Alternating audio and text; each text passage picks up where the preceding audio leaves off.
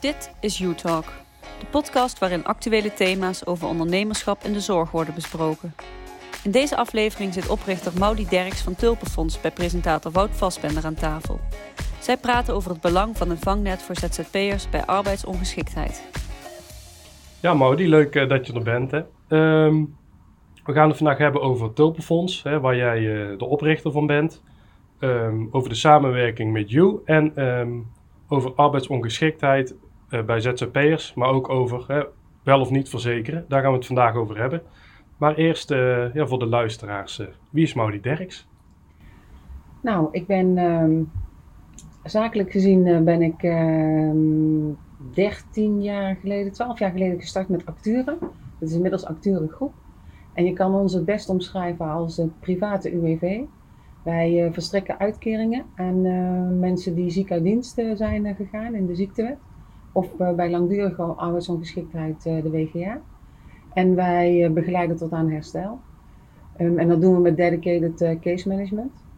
Um, en omdat we dat al heel lang doen, hebben we ook heel veel ervaring met het begeleiden van mensen zonder werkgever. En dat heeft ons weer heel erg geholpen in het uh, opzetten van het Tulpenfonds. Mm Omdat het Tulpenfonds zowel eigenlijk een, een inkomensdekking uh, biedt voor arbeidsongeschiktheid, maar ook directe ondersteuning op het moment dat iemand uitvalt. Ja, en terug naar de basis, hè, is er echt een groot verschil tussen mensen met en zonder werkgever in het, in het verzekeringsplaatje en de dekking daarin? Nou ja, wat je heel veel ziet in Nederland is dat we natuurlijk vanuit wetverbetering poortwachter inzetten op reintegratie terug bij de werkgever, opbouwschema's, uh, nou allemaal dat soort zaken. Als je geen werkgever hebt, ga je niet terug. Nee. Dus dan is zeg maar de, de stap om weer aan het werk te kunnen of in een opbouw aan het werk te kunnen, ja, die ligt een stukje verder weg. En daar heb je wel echt wel even andere inzet voor nodig om dat voor elkaar te krijgen. Ja, want ik kan me voorstellen als je ZZP'er bent en je hebt uh, twee maanden thuis gezeten, om welke reden dan ook. Ja, dan heb je natuurlijk weer aanzin om te werken. Maar ja, je hebt geen idee hoeveel je natuurlijk in het begin aan kunt. Dus ik kan me voorstellen dat je daar een beetje sturing bij nodig hebt. Ja, precies dat. Ja. En um, ja, nou ben jij natuurlijk, hè, valt Tulpenfonds onder Acturengroep. Um, wat doet Tulpenfonds dan precies? Nou, Tulpenfonds zegt eigenlijk heel simpel: um, de, de, het uitgangspunt is dat we graag willen dat je een dekking voor jezelf organiseert rondom arbeidsongeschiktheid. Omdat het een te groot risico is om niet te verzekeren. En al, ook als je kijkt naar alle studies en alles wat daarin uh, in wordt gedaan, dan zeggen en claimen heel veel ZZP'ers, zelfstandigen, dat ze wel iets hebben georganiseerd. Maar als je dan doorvraagt, dan blijkt dat ze daarmee bedoelen bijvoorbeeld uh, dat ze de overwaarde van hun huis straks wel in kunnen gaan zetten als inkomen. En dan probeer ik mij voor te stellen wat dat dan is. Dat je straks ziek thuis zit en dat het wat langer duurt. En uh, dat je dan je huis moet gaan verkopen omdat je de overwaarde nodig hebt om van te leven. Dan denk ik, nou, volgens mij is dat nou niet wat we verstaan onder een, nee, uh, onder een nee. welvaartsvaste dekking. Nee, dat lijkt mij geen uh, slim plan, want dan wordt, moet je toch onder de brug slapen. Dat nou ja, weet je, dat beeld, hè, dat is, dat, dat, dat, daar, kan, daar kunnen we weinig mee. Nee. En wat we tegelijkertijd ook altijd zagen, is dat, we, dat er heel veel um, uh, verkeerde beelden zijn als het gaat rondom arbeidsongeschiktheid en hoe je je dekking kan organiseren en duur. En, en, wordt toch niet uitgekeerd op het moment dat ik het nodig heb. Weet je, heel veel wantrouwen daarin. En dat komt vanuit ja, ervaringen die mensen natuurlijk in het verleden mee hebben opgedaan. En dat is eigenlijk wat we met acteuren en met Tulpenfonds ook willen voorkomen. We zeggen, het maakt ons niet uit wat je regelt, als je maar wat regelt. Maar dan wel op het niveau dat je ook daadwerkelijk dekking organiseert voor dat inkomensverlies. En wat wij er dan aan toevoegen, is dat, het, um, nou, dat je ook direct die service hebt. Dat je direct toegang hebt tot een professional die jou ook weer ondersteunt om uh, terug te kunnen keren. Ja, precies. En is dat dan inderdaad de, de arbo-arts ook die dan de helpt of is dat de reïntegratiearts? Jij allerlei woorden uit je hoofd leert. ik, heb een beetje, ik heb er een, beetje, een klein beetje verstand van, wel ZZP'er. precies. Nee, uh, we werken met uh, dedicated case management. Ja. En uh, zij zijn eigenlijk de speel uh, uh, en, de, en de spin in het web. Zij zijn ook direct contactpersoon. Op het moment dat je bijvoorbeeld een melding zou doen omdat je arbeidsongeschikt bent, dan heb je meteen de dag daarna heb je contact met jouw dedicated case manager. En die kijkt dan samen met jou.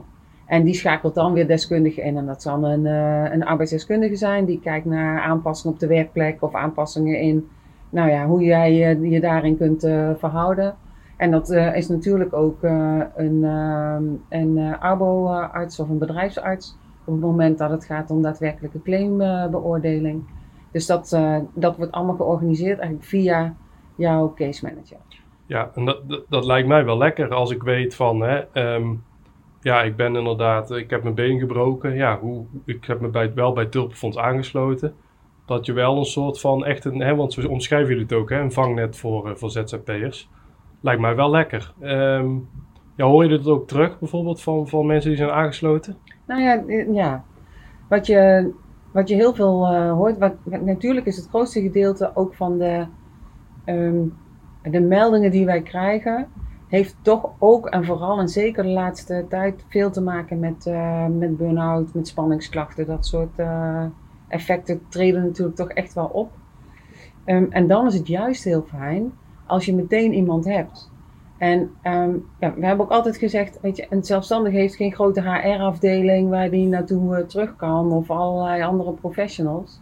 Terwijl dat wel die toegang tot wat je noemt arbeidsgerelateerde zorg, wel heel belangrijk is, ook in het herstelproces. En zeker als het om dit soort klachten gaat, dan weten we allemaal. Ja. Weet je, als je twee maanden thuis gaat zitten met burn-out klachten, um, dan weet je één ding zeker, dan duurt het tenminste nog uh, uh, twee maanden langer voordat je er weer uit bent. Terwijl als je vanaf het begin af aan wordt opgepakt en gewoon er samen met jou wordt gekeken en dan met je wordt gespart van hé, hey, wat kan je nog wel of zullen we eens dit doen of wat voor activering uh, zit je op te wachten. Um, en dat horen we ook echt terug, dat mensen dat gewoon echt heel erg fijn vinden. Ja, daar kan ik me inderdaad wel iets bij voorstellen. Want je hoort bijvoorbeeld ook, hè, met, met vooral ZZP'ers, hè, hoe zij zich dan verzekeren, wat jij zegt met de WOZ-waarde. Maar er zijn ook mensen natuurlijk die elke maand een bepaald bedrag opzij zetten. Um, maar ja, op een gegeven moment is dat spaarpotje natuurlijk ook op. Uh, lijkt mij tenminste, want ja, ik denk niet dat de mensen geldbomen in de tuin hebben staan uiteindelijk. Het zou uh, leuk zijn. Het zou wel leuk zijn ja, natuurlijk. Ja. Um, maar ja, hoe zit het dan bij Tulpenfonds? Hè? Want ik, ik, ja, ik, ik weet dat dan die samenwerking met You, die is dan wel iets anders, denk ik, dan het Tulpenfonds uh, oorspronkelijk is. Hè? Er zit wel een, kleine wijziging in het pakket, om het zo maar even te zeggen. Nou ja, wat we samen met, uh, met You hebben besproken is, wat past nou het beste, ook als het gaat om um, jezelf kunnen je, je, je dekking kunnen organiseren.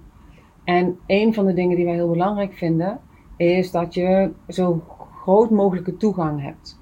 Kijk, iemand die al arbeidsongeschikt is, die kan je niet aannemen in een dekking. Dat is hetzelfde als een brandend huis verzekeren tegen brand. Hè? En dan zeggen van, uh, ja, ja, mijn huis staat in brand, dus uh, nu wil ik het wel verzekeren. Beetje fraude. Nou, nou ja, dat, dat, dat kan gewoon niet. Nee. Maar um, wij kunnen uh, met de, wat we noemen de crowdsurance oplossingen, en dat is eigenlijk insurance by the crowd, um, om het even populair te zeggen.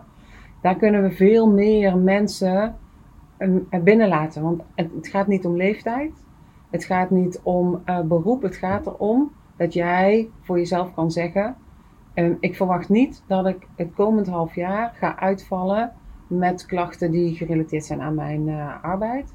Um, en dat verklaar ik. En daarmee heb je eigenlijk toegang tot de oplossing. En dat maakt hem dus veel breder toegankelijk.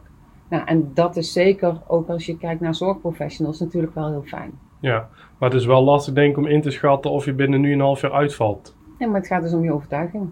En ja. op het moment dat je, um, kijk, en, en daar zit wel, een, daar zijn wij wel, daar zijn we wel duidelijk in. Op het moment dat je dus als je burn-out klachten hebt binnen een half jaar en je daarmee meldt, dat, dat heeft een langere historie. Weet je, dat gebeurt niet van. Tegen de uh, andere dag. Van hè, gisteren meld ik me aan. Kijk, gisteren meld ik me aan, vandaag rijd ik tegen een boom. Kan, dat kan gebeuren. Ja, ja, ja. Maar gisteren meld ik me aan en vandaag meld ik me uh, met burn-out uh, klachten. Dan gaan we echt terug in die historie en dan zeggen we van ja, je hebt daar niet volledig naar waarheid dit ingevuld, dus dan vervalt je dekking. Ook omdat je dekking wordt opgebracht door je collega's. En weet je, je kan niet aan je collega's vragen om jou te voorzien van iets waar je eigenlijk al van wist dat je het nodig ging hebben. Nee, precies. Dat is eigenlijk een beetje, ja, hoe moet je dat, ja, met vol ingenomen kennis eigenlijk een, uh, verzekering afsluiten. Ja. hetzelfde wat je, ja, een brandend huis en dan dat verzekeren, dat is natuurlijk net een stapje verder. Maar ehm, ja, het is inderdaad een soort van in, ja, vol ingenomenheid dat je weet van ja, ik voel me eigenlijk toch wel niet lekker, Ja. ik ga het toch maar doen. Ja. En is het dan echt, heel lullig gezegd, pech gehad? Voor die Dan is, ja, dan is het pech gehad. Ja. Ja. want want je, je hebt iets verklaard. En dat moet dan medisch, eh, en dat checken we dan ook medisch, met eh, eh, hoe dat zit met nou ja, je historie daarin. Dat is wat we noemen de claimbeoordeling. En dan is het inderdaad pech. En, eh, maar in alle andere gevallen niet. En het mooie is dat daarmee, dus ook de verpleegkundige van eh, 54, die anders eh, 400 euro premie-ex moet betalen, nou, die draait bij ons gewoon mee in de totale pool. En eh, dan kom je afhankelijk van eh, het product wat je kiest, dus afhankelijk van de totale inkomensdekking die je hebt, zitten we nu gemiddeld op eh, nou, nog e- net iets onder de 30 euro in de maand. Waar je, wat je aan bijdrage moet leveren. Ja, dat is natuurlijk een enorm verschil. Ja. En, en wat het ook doet, is dat omdat het en zeg maar heel betaalbaar is en vrij toegankelijk, het voor heel veel mensen ook een soort van, oh fijn, weet je wel. En daarmee krijg je dus veel meer toestroom, waardoor ook uiteindelijk je totale risico weer veel beter te managen is. Ja, want ja, dit, dit is bij wijze van spreken, je kunt bij jullie zeg maar een jaar verzekeren, terwijl je bij bijvoorbeeld, ik noem even Achmea, daar kun je een maandje. Ja, Hè, komt hè, om-. Ja. Maar hè, zeg maar, want dat is natuurlijk ook een sceptisch, dat zei je net ook, van ehm, ja, mensen die zi- zich verzekeren, ZZP'ers, die denken altijd, ja, ik krijg toch nooit uitbetaald. Ja. Hoe werkt dat dan bij jullie? Krijg je dan, hè, want je hebt een- ook een soort eigen risico, dat heb je natuurlijk Ja. altijd. En dan, eh, ja, dat is volgens mij, was dat een maand. Zes weken. Zes weken. Ja. Ja. ja. hoe gaat dat dan? Want eh, als je de zeven weken ingaat, krijg je dan meteen zeg maar betaald? Of hoe gaat het dan? Is dat dan ook het traject wat jullie dan Ja. nou, eh, kort bovenop zit? Ja, wat ehm, eh, je meldt je en dat is de ingangsdatum van je eigen risicoperiode. Ehm, en vanaf dat moment heb je contact met je case manager. En praat je over van oké, eh, hoe, eh, wat zou ik kunnen doen en eh, waar denk jij aan en hoe kunnen we elkaar verder helpen. Ehm, en vervolgens eh, wordt er een afspraak gemaakt voor de zesde week voor je definitieve claimbeoordeling. Op het moment dat je dan nog niet hersteld bent. Want we zien ook heel veel mensen die vanuit de, de begeleiding van case management eigenlijk alweer prima aan het werk kunnen. Maar als dat nog niet zo is, dan volgt op dat moment je claimbeoordeling. En dat is gewoon een professionele beoordeling door een verzekeringsarts. en die kijkt dan samen met jou eh, wat, eh, eh, wat de status is. En zegt dan van oké, je bent 100% arbeidsongeschikt en dan krijg je die uitkering waar je op hebt ingetekend. Of je bent eh 75% arbeidsongeschikt en dan krijg je 75% van de uitkering waar je op hebt ingetekend. En, en, want dat is natuurlijk ook wel goed om te weten. Mensen kunnen zich verzekeren tussen de 500 en 3000 euro netto per maand. Tussen de 1000 en de 3000 De- de- euro netto per maand. Ja, en dat is natuurlijk gewoon afhankelijk van eh, hoeveel je eigenlijk zelf ook als ZZP'er natuurlijk als, aan omzet hebt. Hè? Want Precies. iemand die, wij spreken, ik noem even 2000 euro per maand omzet heeft, die zal Ja. zich niet voor 3000 euro verzekeren. Want Ja, dat, maar dat, mag- dat kan ook niet, hè? Nee, dat kan ook dat, niet. checken we dan ook. Ja, Want op het moment dat je je voor 3000 euro verzekert, dat is 60.000 euro bruto inkomen in, de ma- in het jaar. Hè? Dus dat is best, dat is Dat is best, best veel. best veel. Ehm, en jij zou een beroep doen, dan eh, vragen we ook wel om te verantwoorden dat jij eh, daadwerkelijk dat inkomen hebt gehad over de afgelopen 12 maanden. zoals financiële toets. Ja, want Ja. op het moment dat jij jezelf zou oververzekeren en daarmee meer zou krijgen vanuit de verzekering dan vanuit wat je zelf verdient, ja, dat is ook niet, dat vinden we niet redelijk. En Nee. dan zeggen we van prima, ehm, als je die, stel dat je, stel dat je hebt gekozen voor die 3000, we gaan er wel uit van allerlei negatieve scenario's. Ik heb het nog nooit meegemaakt, maar je moet het wel gewoon daar, ook daar duidelijk ja. in zijn. Stel dat je hebt gekozen voor die 3000 netto. Het blijkt dat je maar 2000 netto eh, uiteindelijk hebt eh, eh, verdiend. Dat je inkomen op dat niveau heeft. Dan gaan we wel over tot uitkeren van dat inkomen. Ja, en, maar dan Dus- heb je wel voor 3000 euro premie betaald. Ja, weet je, maar ja, daar Dat is eigen schuld. gekozen. Ja, dat is eigenlijk Ja. een stomme fout natuurlijk Ja. dan, in principe. Ja. Want het is natuurlijk ook heel logisch hè, voor de mensen. Hoe meer je natuurlijk verzekert, hoe meer je ook elke maand betaalt. Hè? Ja, hoe, hoe hoger je bijdrage kan zijn, want we, eh, we zeggen die bijdrage die is maximaal 5% van het verzekerd bedrag. Ja. Hè, dus op het moment dat jij 1000 eh, euro netto voldoende vindt, dat dat aansluit bij jouw inkomen, dan is het dus ook maximaal eh, 50 euro wat je in een maand zou kunnen eh, bijdragen. Dat is- En daar dat- zitten we dan nu nog ver onder eigenlijk. ja, met 30 inderdaad. Ja. Is dat er voor 1000 euro? Of is dat... Nee, dat is gewoon het gemiddelde nu. Oké, Dat, eh, ja. Dus dat kan, bij iemand kan het 10 euro zijn en bij iemand anders kan het Hm. 40 euro zijn. Ook afhankelijk van het uit- uiteindelijke bedrag wat hij heeft ingezet. Ehm, maar gemiddeld is het eh, ja, on- net iets onder de 30 nog. Is het ook hoe meer mensen zich hebben aangesloten, hoe, ja, hoe groter de pool natuurlijk, hoe kleiner het bedrag? Of maakt dat, heeft dat geen invloed? Hoe meer mensen, misschien zou je kunnen zeggen, hoe meer risico. Maar wij zitten nu, als je even kijkt naar percentages, zitten we ruim onder de 1% als het gaat om eh, uitkeringen die we verstrekken. En als Ja. je kijkt naar het gemiddeld verzuim in de zorg bijvoorbeeld, Dan zit er dat 10, zit, 11 eh, procent ja, inmiddels. precies. Dus eh, je ziet daar wel echt, echt verschillen in. Je hebt natuurlijk, hè, bijvoorbeeld, jij, je bent er ook bekend mee, on, on- eh, ongetwijfeld, het broodfonds. Ja. Wat is dan bijvoorbeeld het verschil tussen het tulpenfonds en het broodfonds? Ik weet bijvoorbeeld bij broodfonds heb je meestal een poeltje tussen de 25 en 50 mensen. Ja, ja wa- wat is een verschil bijvoorbeeld met tulpenfonds? Ehm, nou, dat hè. Dus eh, je, hebt, je hebt daar eigenlijk verzamel je je eigen familie zeg maar om je heen eh, bij een broodfonds. Ehm, wij zeggen van, ehm, wij, wij denken dat het fijn is als je landelijk werkt, dat het ook gewoon wat, dat, dat je eigenlijk iedereen eh, kan eh, meedoen. Ehm, bij het broodfonds ehm, moet, je, eh, moet je een bepaalde tijd lid blijven.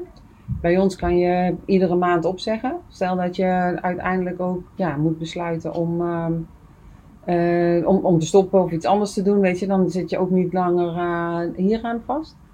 Bij het broodfonds kan je niet zomaar vertrekken. Hè, dus eh, je, je hebt een commitment met elkaar aangegaan. Dus als, stel dat je 50 man eh, hebt en eh, dan zeggen er 10 van, nou, ik vind het toch, ik ga toch gewoon, ik kies toch voor een andere oplossing. Dan mag dat gewoon niet. Dat staat gewoon in de reglementen. Dus dat is allemaal wat strakker. En wat ik daarnaast nog een hele belangrijke vind, is, is een stukje privacy. Want je moet daar eigenlijk een soort van pitchen voor je, voor je ziekte. Hè? Dan wordt het dan toegekend of je dat wel of niet recht hebt op die uitkering. Met een powerpointje sta je dan daar te kijken van ja, dit heb ik nu. Kijk hier mijn gebroken benen. Nou ja, dat. En je hebt geen toegang tot professionele ondersteuning. Want het is Nee. allemaal gebaseerd op met elkaar, voor elkaar. Ja. En dat is past voor een heleboel mensen past dat prima. Dan moeten ze dat ook vooral doen. Ehm, maar ik denk dat wanneer het gaat om, om echt een, een waardevaste oplossing die ook voor een langere periode kan werken. Op het moment dat het even tegen zit. ehm, nou ja, dat, je, eh, dat dit echt een heel, een heel, heel prima alternatief is. En veel meer ruimte geeft. Juist ook voor die professionele ondersteuning. Ja. En die privacygevoeligheid. Weet je, we kennen allemaal de verhalen. Dat mensen dan zeggen van... ehm, die lopen dan in de supermarkt. Hè, en eh, die zijn, worden dan uitgekeerd door het broodfonds. En daar ligt dan ehm, per ongeluk eh, de carpaccio ligt in het supermarkt. In het eh, winkelwagentje. Dat dan iemand langsloopt en die zegt van... Zo, carpaccio? Als je dan van denkt van... Ja, in die situatie zou ik in ieder geval niet willen Nee, zitten. lijkt me ook niet relaxed. Ehm, maar nogmaals, het, dat, het past misschien wel heel goed bij een aantal andere mensen. Maar wij willen dat toch wat eh, ja, professioneler eh, aanpakken. Ja, anders natuurlijk, hè, je wordt ZZP'er vanwege de keuzevrijheid. Dus inderdaad, je wil ook kiezen op welke manier je je verzekert. Hè. Of het nou inderdaad echt via een hè, verzekeraar is, of een broodfonds of tulpenfonds. Ehm, ja, dat is natuurlijk wel lekker dat je als ZZP'er die keuze hebt. Want als je natuurlijk bij je werkgever zit, is natuurlijk alles wel lekker geregeld. Maar misschien vind jij wel die eigenlijk veel fijner dan die partijen. Ja. En nu kun je het lekker zelf kiezen. Ja. Ehm, ja, want hè, dit is natuurlijk een heikel onderwerp, arbeidsongeschiktheid. Hè? Wa- Ja. Waarom vind jij dat heel belangrijk? Omdat het te vaak voorkomt om het te negeren en omdat het een te groot impact heeft op je inkomen. We kijken daarnaar, we hebben heel veel data ehm, en we vergelijken dat ook met, met andere onderzoeken. En ehm 12%, gewoon om maar, om maar een idee te geven waar we het over hebben. In je werkend leven, 12%, dat is best veel, dat is 1 op de 8. In zijn werkend leven valt ergens een keer langer dan 6 maanden of 6 weken uit. En dan heb ik het niet over zwangerschap en mijn vrouw en zo, want dat is geen ziekte, hè? Nee, nee, nee. Dat is iets leuks Dat is iets leuks, Ja. precies. Maar 12% valt langer dan 6 weken uit. En vervolgens heeft nog geen 20% een buffer een financiële, een echte financiële buffer, die langer is dan drie maanden. Dus die combinatie, weet je, ik geloof heel erg in die zelfstandigheid en in die ontwikkeling van zelfstandigheid. Maar ik vind ook dat we daarmee met elkaar wel de verantwoording moeten nemen. Dat je, je wilt je land wel een soort van welvaarts vasthouden. En op het moment dat je een heel groot percentage van de beroepsbevolking, meer dan 15% van de beroepsbevolking, werkt nu wel zelfstandig of semi-zelfstandig of op een of andere manier. En als die dan geen sociaal vangnet hebben, Ehm, dan, dan valt het er gewoon onderuit. En dan, nou, nou, kijk maar naar wat er allemaal op dit moment gebeurt. Je hebt dat, dat welvaartsvaste inkomen, dat heb je gewoon wel nodig. En dat moet je gewoon ook echt voor jezelf organiseren. Ja, want ik, ik heb uh, schijn echt een, een vrouw gesproken en uh, een ZZP'er ook. En die vrouw die kreeg borstkanker, maar die had niks. Die had niks geregeld. Ja, die zat in de bijstand op een gegeven moment. Ja, ja dat, dat, dat, dan ben je al ziek. Ja. En dan krijg, je die, dan krijg je dit er ook nog eens eh, gratis bij. Ja, en onbedoeld. Ja. Zij is ook van ja, ik heb, uh, had ik dan toch maar inderdaad iets, uh, iets gekozen. Had ik maar inderdaad een soort vangnet. Ja, je kunt natuurlijk de schrijnendste gevallen kun je, kun je krijgen. Maar heb je inderdaad ook mensen die dat eerst niet hadden en denken, oh, ik zit echt in de penarie om het zo maar te zeggen. En die uiteindelijk dachten toen ze eruit waren van ik ga me toch verzekeren. Krijgen die mensen ook? Ja, ja zeker. Ja. Weet je, uiteindelijk is niks beter dan een reality check, zeg maar. Ja. Um, dus dat gebeurt ook. En ik denk wat ook heel erg meespeelt, is dat er tegenwoordig echt wel gewoon goede producten zijn. En dan heb ik het niet alleen over tulpenfonds, maar gewoon in de breedte.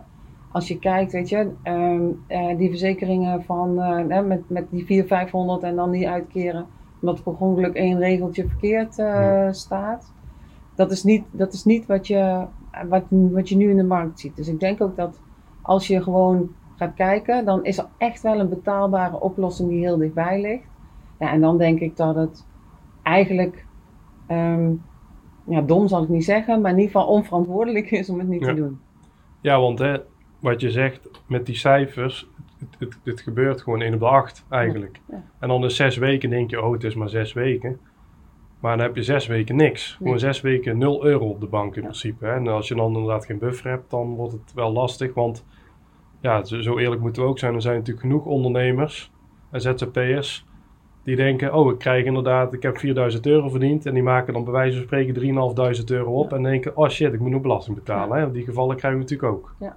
Heeft dat, krijgen jullie inderdaad ook eh, die mensen die denken: ja, ik heb eigenlijk inderdaad geen buffer, maar ik heb ook alles uitgegeven. Alles uitgegeven. Nou ja, wat wij, wat wij op de website hebben met uh, Tulpfonds, dat is wel een aardig, uh, we noemen dat de zelftest. Mhm. En in de zelftest kun je, wat het, drie vragen. Uh, Maar daarin kan je wel gewoon aangeven wat je, ja, hoe je er eigenlijk tegenaan kijkt. Tegen je financiële situatie en tegen arbeidsongeschiktheid en wat voor type product bij jou zou passen. En daar krijg je dan weer een uitslag uit. En dan kan je kijken van, oh oké, nou dan, dus blijkbaar zit, mijn, zit ik zo in elkaar. Weet je, ja, ik ben, ik ben ook altijd dol op van dat soort testjes. Ja, ja, dus ik denk van, nou, het is gewoon, weet je, het is een, een, minuutje invullen of twee minuutjes invullen. En dan krijg je toch net weer even een iets scherper beeld van jezelf en op basis van de antwoorden die je hebt gegeven. En dan kan je weer gewoon een veel betere keuze uh, maken bij wat het beste bij jou past. Um, ja, en, en, en dat helpt uh, heel erg. En daarmee zie je dus inderdaad ook mensen die zeggen van ja, ik heb, inderdaad, ik heb geen buffer. Uh, maar ik wil ook, uh, ik wil eigenlijk ook het geld wat ik als buffer heb, wil ik ook niet moeten besteden aan zoiets. Dat wil ik besteden aan leuke dingen. Weet je, dus, dus, dus ik, heb een, ja, ik heb een dekking nodig voor mijn inkomen bij arbeidsongeschiktheid. En niet dat, dat mijn spaarpot waar ik eigenlijk voor heb gewerkt om leuke dingen mee te doen, dat die dan in één keer ook weg is. En het voor, zeg maar, hè, want wat je zegt, ja, je wil natuurlijk niet te veel geld uitgeven aan je verzekering. Want ja, inderdaad, er is toch veel achterdocht. Maar ja, het is natuurlijk wel mooi om te zeggen dat je het wel gewoon natuurlijk, hè, belastingtechnisch is het wel gewoon goed geregeld. Hè? Als je inderdaad hè, een verzekering bij, Tulp, of bij Tulpenfonds aansluit, of waar dan ook. Goed om te zeggen, het, het, zeg maar belastingtechnisch past het gewoon bij het ondernemerschap. Dus het is wel voordeliger, zullen we het zo maar zeggen. Ja. Maar nou, um, ja, dat nieuws dat zal jij natuurlijk ook wel op de voet volgen, denk ik. Het kabinet wil natuurlijk die AOV gaan verplichten uiteindelijk. Ja. Is dat voor tulpenfonds of voor een broodfonds, is dat, kan dat een gevaar zijn? Nee. Oh, dat is ook wat anders. nee, maar, maar de- Nee, omdat, nee. omdat de tulpenfonds en broodfonds dan ook daaronder vallen, soort van idee. Nou ja, wat je, wat je krijgt is dat het, ehm, het genereert meer aandacht. En dus dat is, dat, dat is wel noodzakelijk. Omdat uiteindelijk toch de meeste mensen denken, mij overkomt dat niet.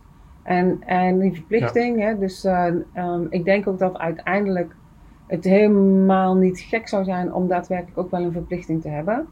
Maar ik denk ook dat de ehm, publieke sector op dit moment, Belastingdienst en UWV, grote moeite zouden hebben om daadwerkelijk uitvoering te geven aan die, aan die verplichting.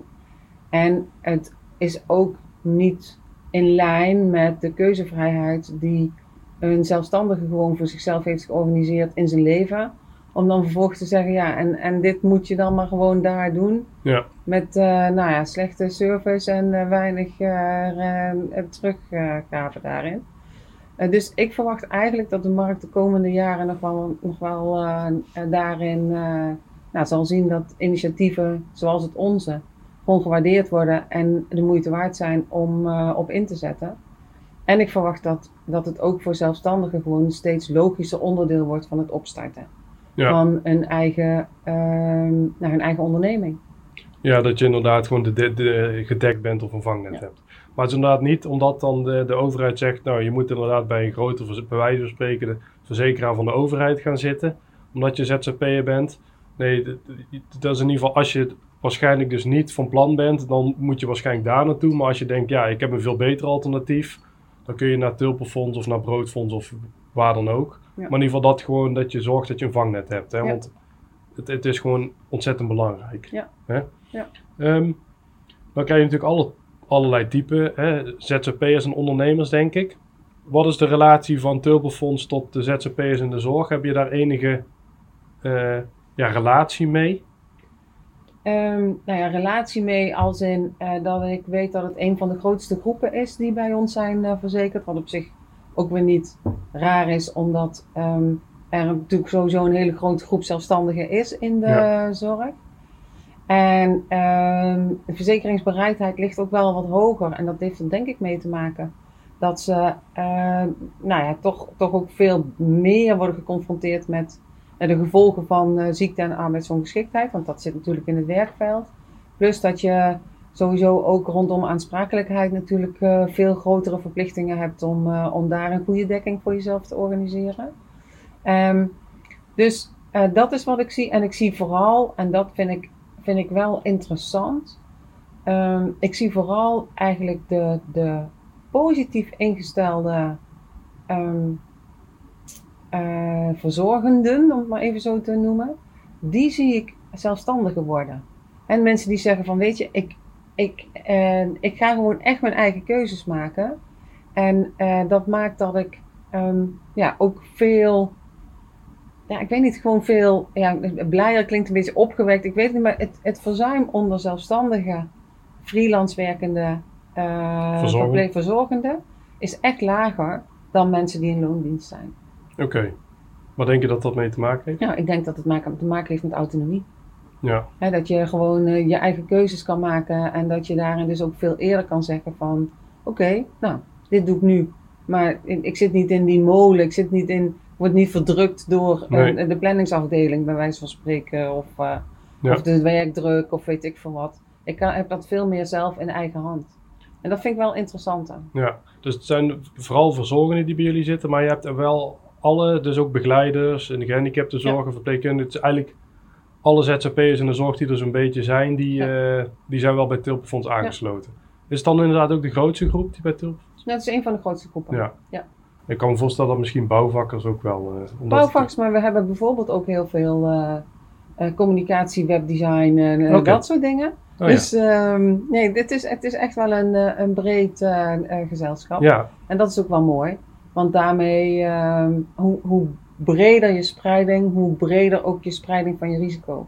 En dat maakt dat je daarmee gewoon dit tegen die, nou, tegen die lage kosten kunt eh, blijven uitvoeren. Het is wel, hè, want dat, is bij jullie volgens mij niet, hè? Om inderdaad een bouwvakker of iemand in de zorg, je loopt eigenlijk meer risico dan bijvoorbeeld hè, ik als journalist, om zo maar te zeggen. Maar zij betalen bijvoorbeeld niet meer omdat zij groter risico lopen, of wel? Nee, wat we wel doen is dat als het gaat om het berekenen van mensen die een uitkering voor anderen eh, betalen, op het moment dat iemand een claim heeft, dan kijken we wel naar de lookalikes, zoals we dat noemen. Hè, dus iemand, eh, bijvoorbeeld een eh, bouwvakker, en vragen we eerst aan alle andere bouwvakkers om bij te dragen aan zijn zo, ja. dekking en daarna aan de rest. Ah, ja, ja, dus precies. je komt minder vaak aan de beurt op het moment dat jij eh, minder lookalikes hebt eh, in, eh, in het geheel. Ja, ja, Om ook een beetje daarin, ja, dat is ook redelijker, want de kans dat het jou overkomt als bouwvakker is groter en dus is het ook logischer dat je Ja. daarin weer meer bijdraagt. Ja dat, dat, dat, ja, dat is toch op zich wel netjes geregeld. Want ik kan me voorstellen dat iemand die bijna geen risico loopt omdat Nee. hij eigenlijk heel de dag thuis werkt, zich dan wel een beetje gepiepeld voelt. Ja, Denk van ja, precies. hoezo moet ik dan voor, Ja, voor precies. Jantje, de bouwvakker Ja. of de timmerman opdraaien eigenlijk? Nee, maar eh, dus zo hebben we dat ingericht. Ja, dat is wel Met, heel fijn. eh, met eh, ja, wat we noemen die lookalikes. Dus stel je bent journalist. En ehm, ehm, van dat karig loontje wat je dan eh, ontvangt, heb je, ook nog, heb je dan ook nog die arbeidsongeschiktheidsdekking eh, georganiseerd. En jouw collega journalist of iets vergelijkbaars of tekstschrijver of dat soort dingen, die valt uit. Dan, dan wordt er eerst bij jou gekeken van oké, wat, zou, wat zou, is jouw bijdrage hierin? En daar wordt, eh, Ja. dat wordt eigenlijk ook gewoon op die manier iedere maand eh, berekend. Dat is wel, wel, eh, dat was wel netjes. Ja. Ehm, en nou is er natuurlijk de samenwerking met You, die is dan sinds een tijdje ehm, ja, ontstaan. Hè, die, en er wordt geïntensiveerd. Maar ja, wat we het ook al in het begin een beetje zeiden, hè, voor, voor mensen die via You naar het Tulpenfonds komen, dat is toch net iets anders. Die kunnen kiezen uit twee pakketten, hè, het basispakket en het premiumpakket. Ja. Kun jij het verschil uitleggen? Ja. Want ik kan het wel doen en ik weet het een beetje, maar jij Ja. weet het beter dan ik. Ja, dat hoop ik. Dat hoop ik wel. Ja, misschien ook wel niet. Misschien is het ook wel fijn als jij het uitlegt. Ehm, basispakket is waar we het net over hadden. Je kiest een netto bedrag. Ergens tussen de 1000 en de 3000 euro.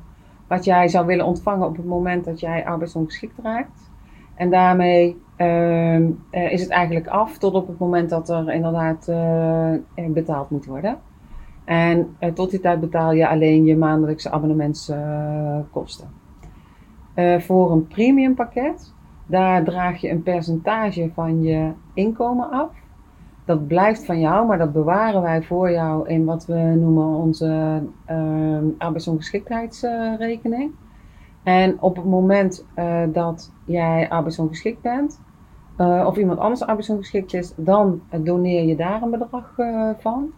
Ehm, maar eh, het kan ook zo zijn dat je dat bijvoorbeeld straks kunt gebruiken om ehm, nou, een, WW-periode te overbruggen. Dus daar zit wat meer, eigenlijk is het meer een combinatie met een spaarpotje. in plaats van dat je alleen maar betaalt op het moment dat het daadwerkelijk nodig is. Ja. En wat we zien is, en daar bieden we ook standaard de dekking van 70% van je inkomen. Dus dan hoef je ook niet zelf na te denken van, hé, hey, zou ik nou in de 1000 of de 3000 eh, euro range eh, vallen? Eh, maar dat wordt eigenlijk voor jou uitgerekend, zodat je altijd gewoon de dekking hebt op 70% van je inkomen. Dus als ik bij wijze van spreken 15.000 euro omzet heb, dan krijg ik in principe op jaarbasis, Ja. nee, ja, wel op jaarbasis 70% van die 50.000. 35.000. Ja. En dat is dan netto of bruto? Bruto, denk ik. Nee, dat is netto. Netto. En daarmee maakt het dus dat het eigenlijk alweer bijna gewoon je hele inkomen is. Ja, oh zo, ja, precies. Ja. Ja. Oké. Ja, veel ingewikkelder is het niet, toch? Nee, Nee. nee. Ehm, bedankt voor het luisteren allemaal. Eh Maudi, jou ook bedankt dat je er was. En Heel eh, leuk om te doen. tot de volgende keer. Ik vond het ook heel leuk trouwens. En eh, tot de volgende keer. Ja, dankjewel.